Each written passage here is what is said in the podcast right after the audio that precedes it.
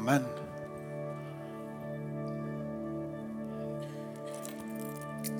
Fint att det är söndag igen vänner. Woo! Söndag en gång i veckan. För er som inte känner mig så heter jag Jakob och har tre stycken fina barn och en fru. Eh, och de skulle gå och bada idag. Kan du tänka dig? Utomhus. Eh, de blev helt, ja, de morfar ringde och frågade ifall de inte skulle med och bada. Och de blev helt eh, själaglada. I alla fall en av dem. Eh, de andra två tyckte det var otroligt märkligt. Men ser man hur olika de kan vara. Någon som, och vet vad det som är underbara med att få barn? Det är att man, när de växer, så första gången någonsin så var jag inte De satte upp studsmattan idag på förmiddagen och jag var inte ens med. Vädret Tord? Ja, vi får sitta ner. Och du får prata med Axel sen. Ja. Du spelar jättefint. Men eh, de har satt upp studsmattan själva. Ja, och det är fantastiskt för då slipper man engagera sig. Och det är ju det som är det härliga med att se att någonting växer. Att någonting eh, eh, liksom rör på sig åt en, en riktning som är lite frustrerande, lite rädd är man för det kanske. Eh, och man möter olika nya saker som man inte innan har mött i deras sätt att tala. Så det som var självklart eh, för mig eh, för, för, för när jag var 14 då, som, som Novali det, det, hennes sätt att förhålla sig till en viss fråga är väldigt långt borta ifrån när jag förhåller mig till den frågan.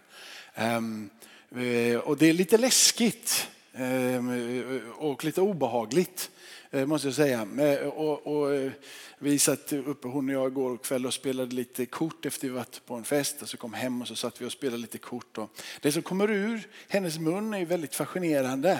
Och man, man, blir, så man, man måste liksom bestämma sig för att jag måste möta hennes frågor på ett helt annat sätt än, än eh, hur jag adresserade den här frågan i mitt liv. Eh, för, för, för, det som hon tycker är lite märkligt eh, tycker inte, tycker inte jag är märkligt på samma sätt. Men hon uppfattar det märkligt. Men hon uppfattar det inte från samma håll som jag gör. Och hur adresserar man en fråga då, vad som, som är då problematisk? Båda ser att det är problematiskt, men hon kommer från ett håll och jag kommer från ett helt annat håll. Och jag är säker på att det är samma sak med din tro.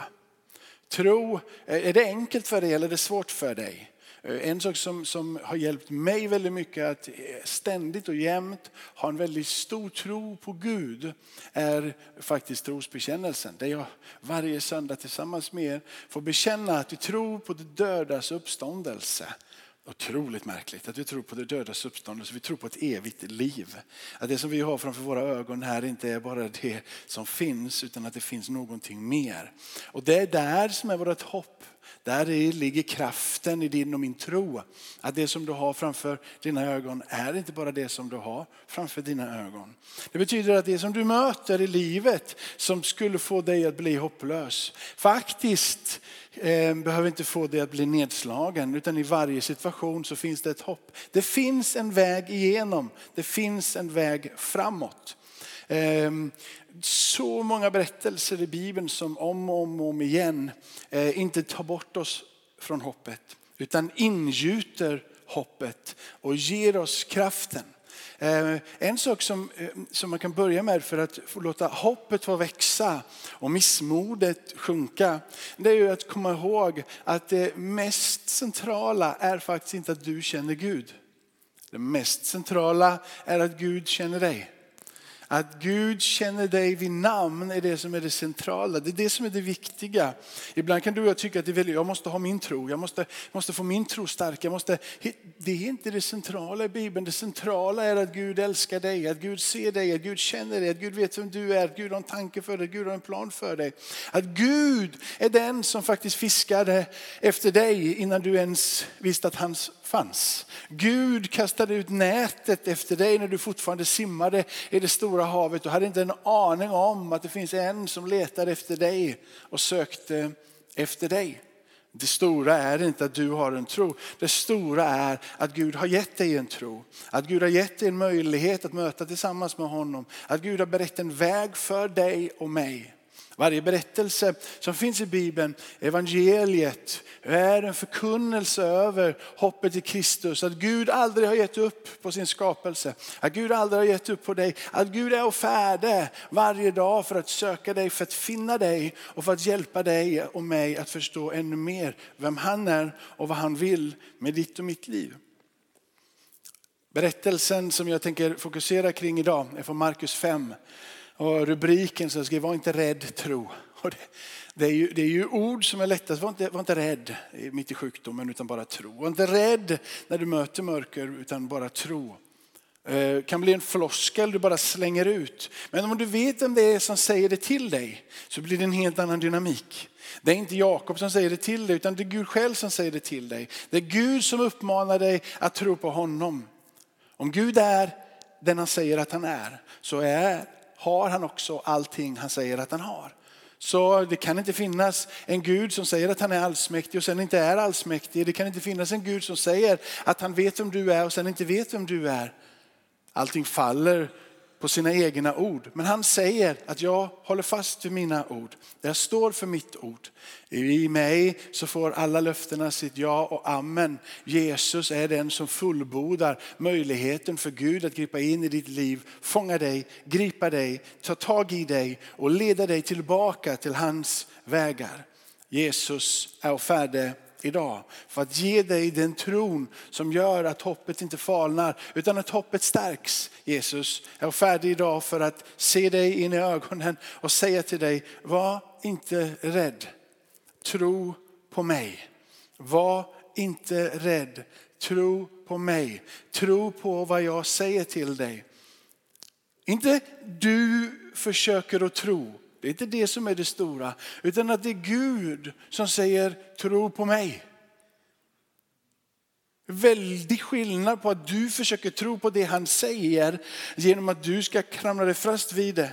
Eller om du sträcker dig till han som säger det och du lyssnar på hans ord. Börjar i en helt annan riktning. Jag tror att många av oss försöker att tro på det han säger istället för att fokusera på han som säger det och lyssna till vad han säger. Markus. Markus, Markus, Markus, kapitel 5. Den, den här berättelsen finns både i Matteus och i Lukas.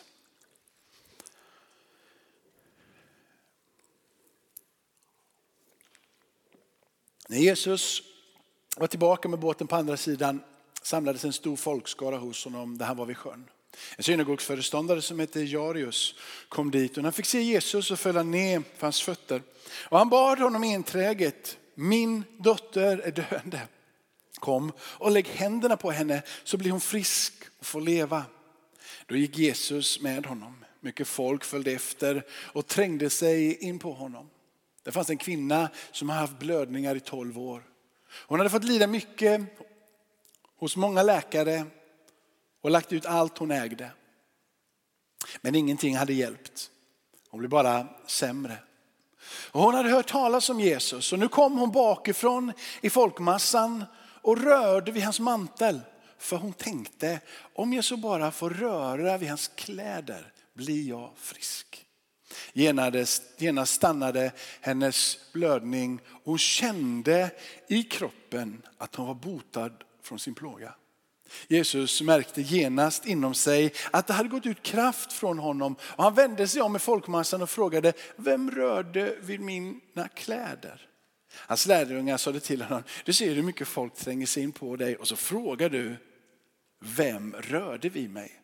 Men han fortsatte att se sig omkring efter henne som hade gjort det. Kvinnan visste vad som hade hänt med henne och hon kom rädd och darrande fram och föll ner för honom och berättade hela sin sanning för honom. Och då sade han till henne, min dotter, din tro har frälst dig. Gå i frid och var frisk och fri från din plåga. Medan han ännu talade så kom några från synagogsföreståndarens hus och sade, din dotter är död. Varför besvärar mästaren mer? Men Jesus fäste sig inte vid deras ord utan sa till föreståndaren, var inte rädd, bara tro. Han lät ingen följa med utom Petrus, Jakob och hans bror Johannes. Och det kom till föreståndarens hus. Där såg han upprörda människor som grät och klagade högt. Han gick in och sade till dem, varför är ni upprörda och gråter? Flickan är inte död, hon sover. Då hånskrattade åt honom. Han skickade ut allesammans, tog med sig barnets far och mor och sina lärjungar och gick in dit där barnet låg.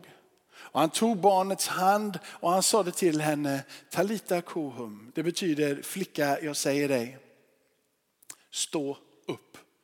Genast reste sig flickan och började gå omkring och hon var 12 år. Och de blev helt utom sig av häpnad. Men han befallde dem strängt att inte låta någon få veta det. Sedan sade han åt dem att ge henne något att äta. Jag tackar dig Fader i himmelen för den här texten, att vi får läsa den. Och så ber jag Herre att när jag går igenom den här texten, att det skulle få tala till våra hjärtan. Att de ord som du har gett mig till att kunna liksom belysa den här texten skulle få bli mat Herre, skulle få ge oss hopp. Ge oss tro, ge oss trygghet, ge oss frid och ge oss den tillförsikt och den tillit till dig som vi behöver i den trosvandring som vi vandrar Herre. Och så ber jag helig ande kom, helig ande kom. Helig ande var här. Vi behöver dig för att förstå skriften. Vi behöver dig helig ande för att kunna ta emot det som du vill ge den här stunden. Amen.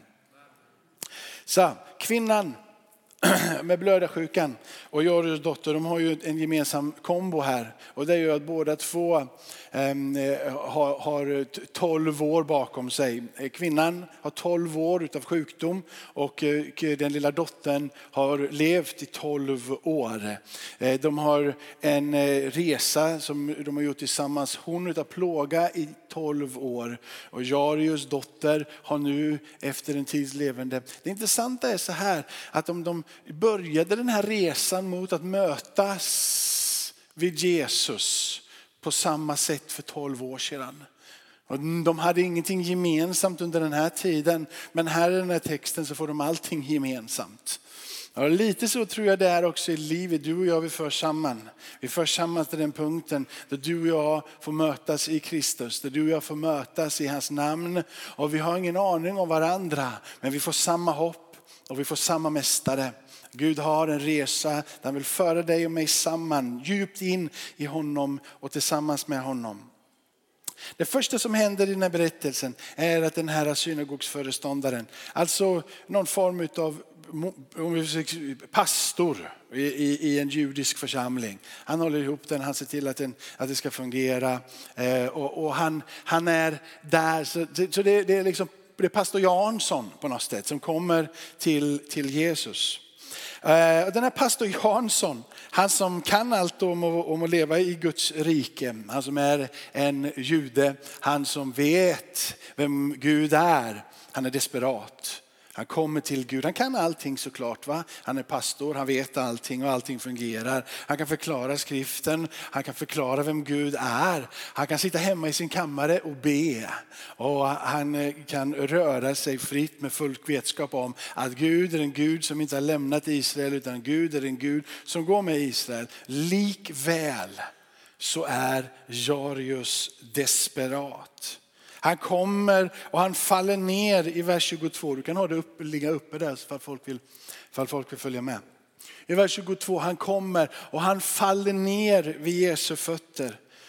Det kanske inte är så jättesvenskt att liksom kasta sig ner och falla ner. Och jag vet inte hur, hur, hur naturligt det är i den här traditionen och kulturen för 2000 år sedan runt omkring trakterna Eh, där, de här, där Jesus rörde sig. Men en sak är säker, när du har en desperat människa så ger det sig uttryck att jag behöver hjälp. Och om du har sett några filmer där de kommer till någon som är form av auktoritet och makt så är det ett rop, de kastar sig ner, de faller hjälp mig, jag behöver hjälp. Och det finns något uttryck för att de antingen gråter eller är förtvivlade eller bara kastar sig hänlyst till den de tror kan hjälpa.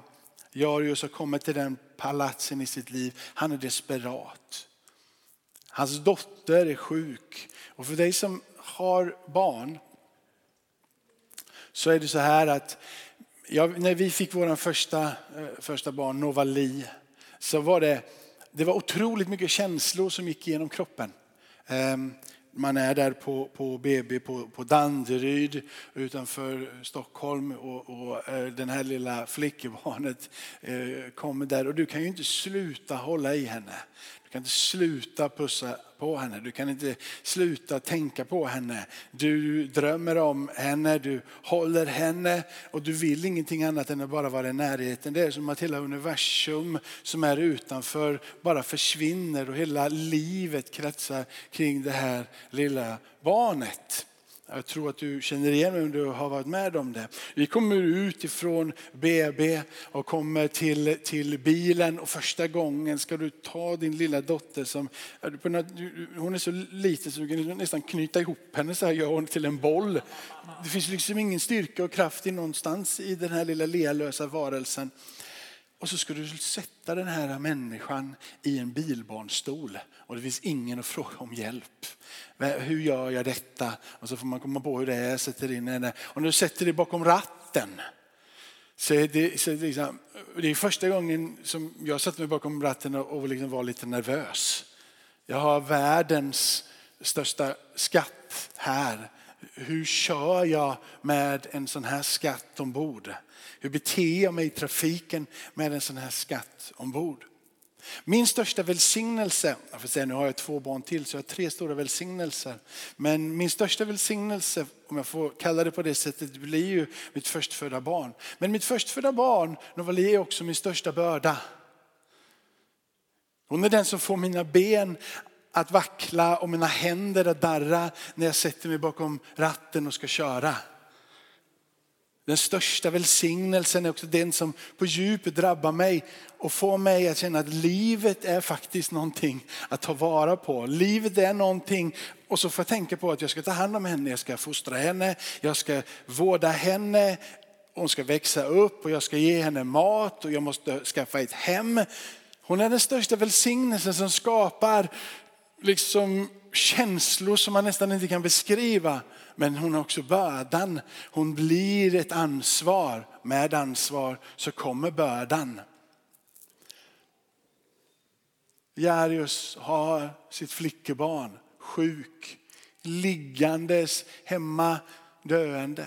Han kommer, han kastar sig ner han har inget annat alternativ. Han har ingen kunskap att förlita sig på. Han har ingenting av sin status som synagogsföreståndare att luta sig på. Vad han än vet om Gud och kan om Gud och vad han än har så är det inte värt någonting i jämförelse med den här välsignelsen och bördan att få fostra dottern. Han springer till Jesus. Han faller ner och det enda han vill är bara Jesus. Jesus, han ber enträget. Min dotter ligger för döden. Kom och lägg dina händer på henne så blir hon frisk. Lägga händerna på henne. Det fanns inget annat uttryck för att säga att det är då som den auktoritet som du har fått, den makt som du har fått att hela och bota blir kontaktpunkten. Handpåläggning blir det som gör att himmelens Gud ger den kraften till den sjuka dottern.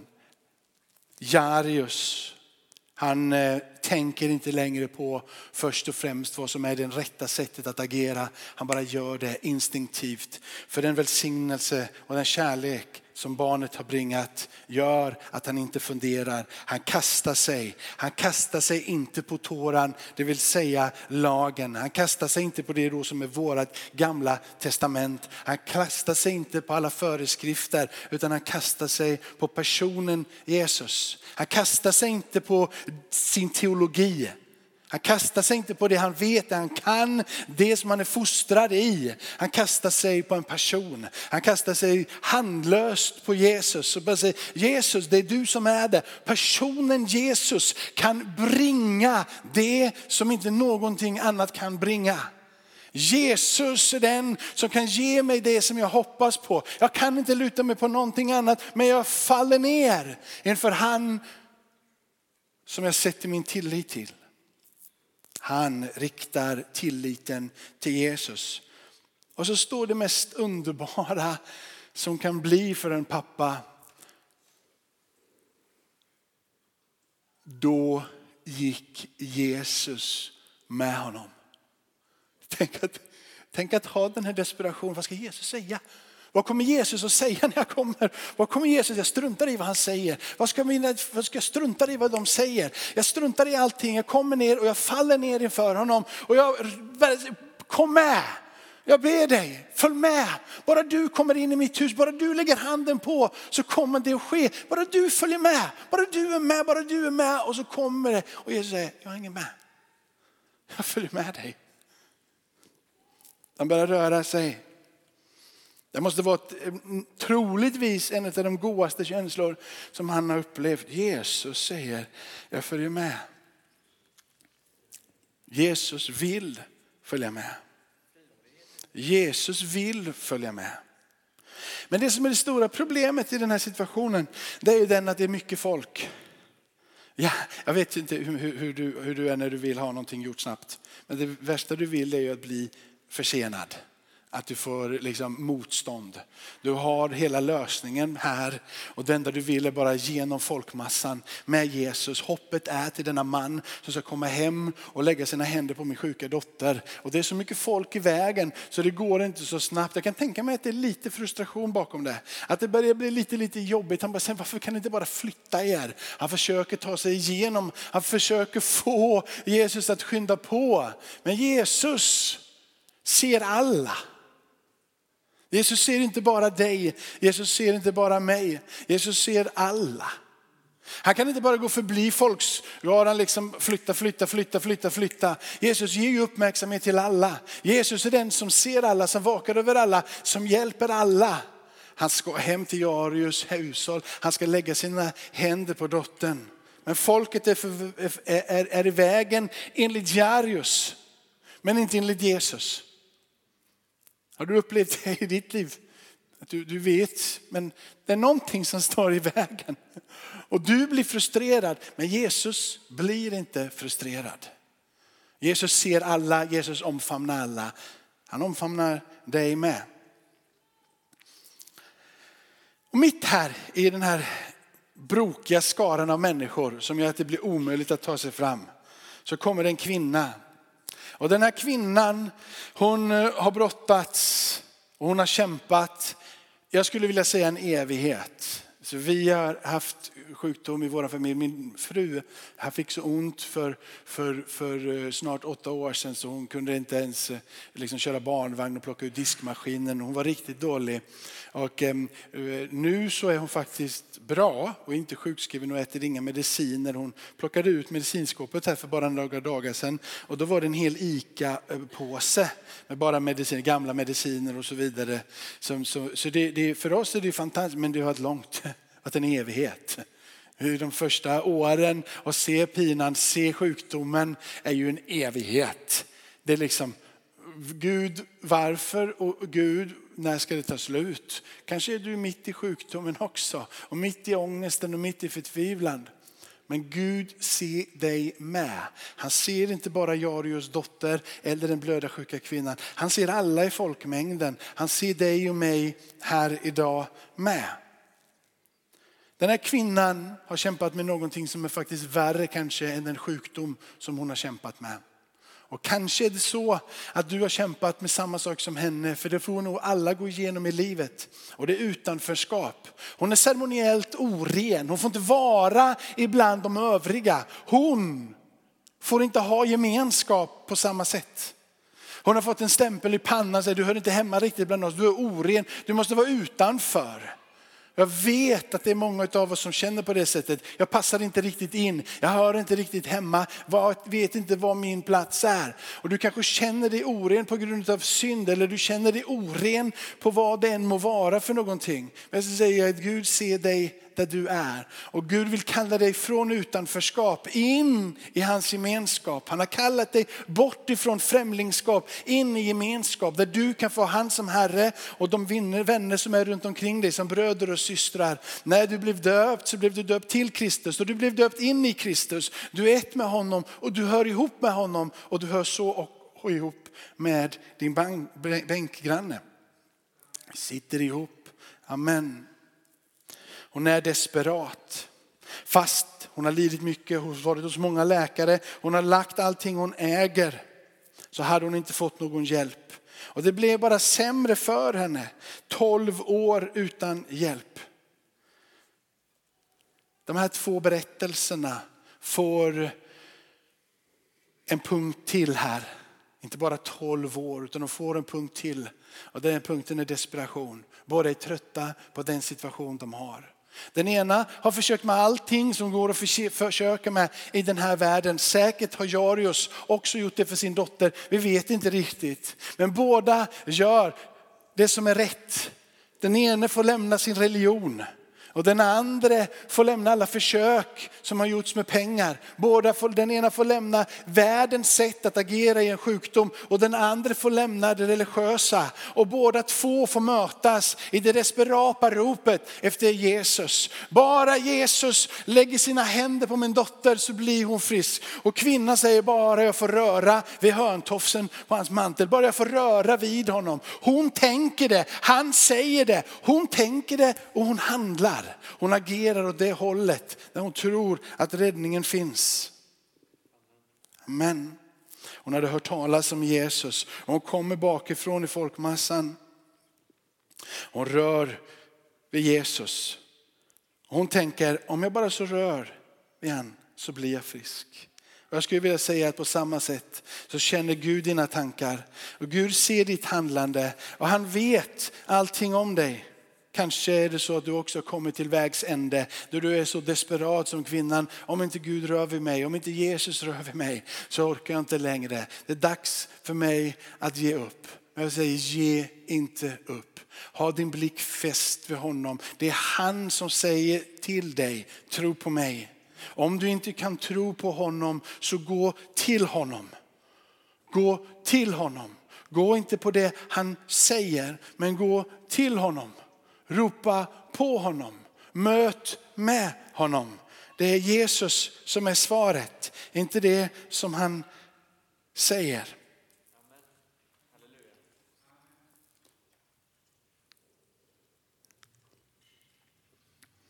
Hans lärjungar säger, du ser hur folket tränger sig på. Jesus vet att någonting har hänt. Kvinnan vet att någonting har hänt. Han fortsätter att se sig omkring efter kvinnan. Jesus vet. Hon vet. Han vill hela henne. Hon vill möta med honom. Han vill att du ska veta att han vet. Så han engagerar sig i kvinnan. Hon kommer skräckslagen och darrande, faller ner och så säger Jesus i en version man läser och i denna versionen så står det liksom att hon berättar hela sanningen. Allting som har hänt. Allting som hon har fått vara med om. Allting som hände vid det här tillfället.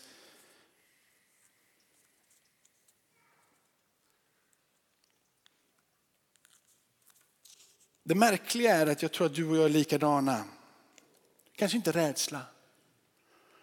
Men du och jag vi har känt någonting och har du aldrig fått uppleva någonting så tror jag det är en sak som Gud vill. Den här söndagen och resten utav ditt liv. Att du ska få uppleva någonting, att du ska få känna någonting. Att du ska få ta emot någonting, att du ska få på något sätt veta som kvinnan här. Jag vet att någonting har hänt. Jag har känt att någonting har hänt. Ingen annan verkar uppfatta det. Jo, Jesus har såklart uppfattat det. Folkmassan ser det inte. Lärjungarna fattar det inte. Hon vet det, hon har känt det. Och där ligger övertygelsen. Jag tror inte att övertygelsen över hennes liv, eller övertygelsen drog ju inte henne bort. Övertygelsen gjorde att hon vågade stiga fram. Hon var rädd och darrande, men jag tror inte att hon var rädd och darrande för Jesus. Jag tror att hon var rädd och darrande för att bli bortstött av de som är runt omkring. Går det verkligen att ha en så hög bekännelse? Går det verkligen att säga att någonting har hänt? Du måste först bevisa vad det är.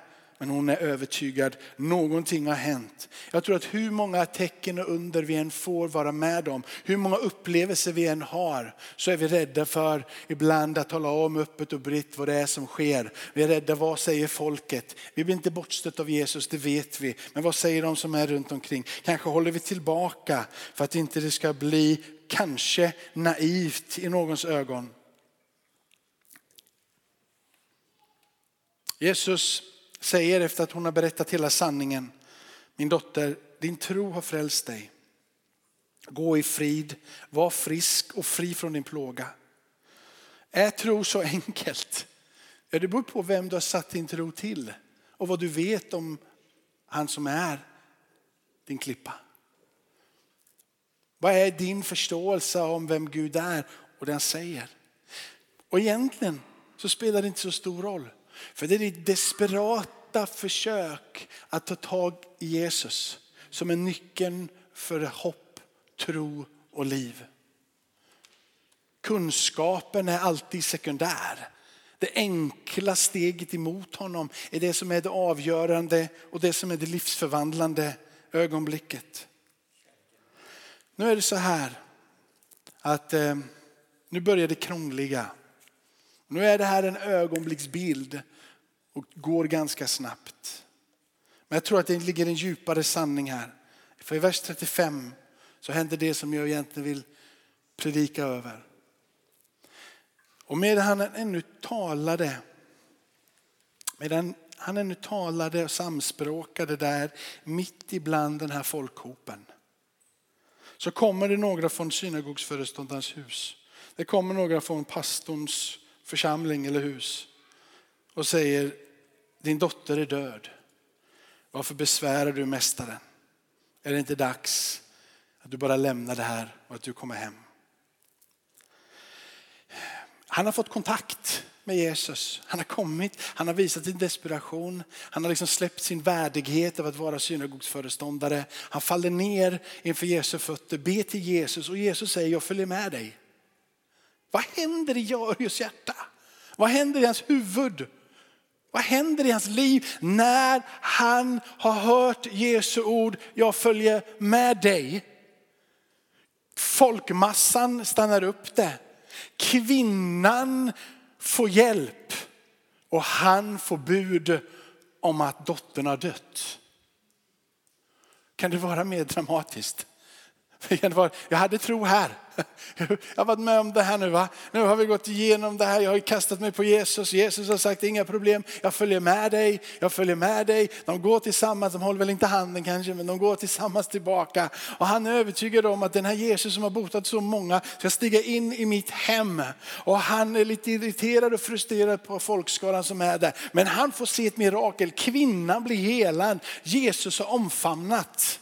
Och mitt där, när allt hoppet nu är så stort och tron är så frisk och allting är bara nu kör vi så det ryker ända in i kaklet allting kommer bli bra. Min dotter kommer resa sig upp. Det, kommer, det här, nu, är det, nu är det klappat och klart. Jag kan tänka mig att han försöker, vi skyndar på lite grann. Jesus nu drar vi, nu kör vi, nu går vi framåt. Nu kommer det att hända. Och mitt när han tror att allting kommer att hända så kommer folket ifrån hans eget hus och säger hon är död, ge upp.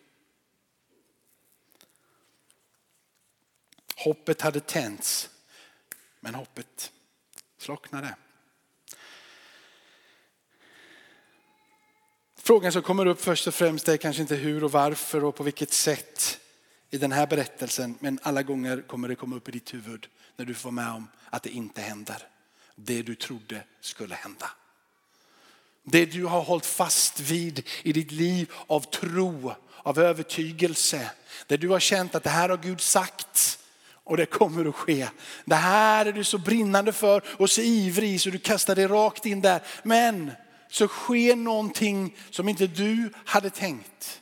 Det blir inte så som du hade funderat ut överhuvudtaget. Det blir inte ett helande så som du hade tänkt. Det blev ingen öppning så som du hade tänkt. Det hopp du hade dör. Jag vill bara säga så här. Tillsammans med Gud har jag lärt mig en sak genom de år jag har vandrat och genom de år som jag har varit pastor. Att det blir aldrig som jag har tänkt. Men Gud är alltid trofast till det han har sagt. När det inte finns någon väg så öppnar sig en helt annan väg. Och när jag trodde att nu är vägen och dörren stängd och det är slut för mig så öppnar Gud en väg som jag inte trodde fanns. När jag inte längre orkar tro så kommer Gud och så sänder han någon som hjälper mig mitt där det jag brottas. Och när jag trodde att den personen skulle bli helad sådär så hade Gud omsorg om både mig och den personen och oss alla samtidigt. Och när jag blickar tillbaka så ser jag Guds förunderliga hand, hans närvaro genom hans ande i mitt liv, i mina vänners liv. Alltså Gud har inte släppt men det tänker inte Jarius här. Och troligtvis så tänker inte du så här och du känner att det finns ingen väg längre. Och alla andra blir helade och alla andra får arbete. Och alla andra öppnar sig dörren för och alla andra får det så bra. Men jag själv, jag får det bara sämre och sämre och sämre. Ingenting verkar hända för mig.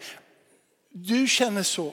Jarius kände så. Men hoppet är inte att hålla fast bara vid orden som kommer tro, utan att det är orden som kommer ifrån Jesus. Det är orden som kommer ifrån Gud. Det är han som ska omfamna dig och bära dig och inte att du försöker att tro. När de säger till honom, besvära inte mästaren, men Jesus fäste sig inte vid deras ord. Och det är det Jesus gör. Jesus fäster sig inte vid ord som talar emot vad Gud vill. Jesus håller inte fast vid ord som inte är förankrat i honom själv. Så när orden kommer emot dig, orden kommer in i ditt sammanhang och när de säger att det går inte det här, det fungerar inte, var naiv där, nu måste du ta tag i ditt eget liv, nu måste du försöka på egen hand. Så säger Jesus till dig precis på samma som han säger till Jarius, var inte rädd utan tro. För Jesu fäste sig inte vid orden som kommer utanför honom. Han håller fast vid de ord som strömmar ifrån Gud själv. Gud säger och det är det vi håller fast vid. Var inte rädd. Vad händer i Jarius hjärta när orden från Jesus, han som har sagt jag följer med, säger nu var inte rädd. Tro på mig. Bara tro. Håll fast vid mig. När det är Jesus som säger de orden i ditt hjärta, när det är Jesus som säger de orden ifrån skriften, så blir det ord av trygghet, det blir ord av värme, det blir ord av omsorg. Det blir ord som skapar förväntningar och inte undanflykter. Jesu ord gav Jarius kraften att strunta i de orden. Din dotter är inte död, besvära inte mästaren. Jag tror att Jarius säger följ med mig hem, följ med mig hem.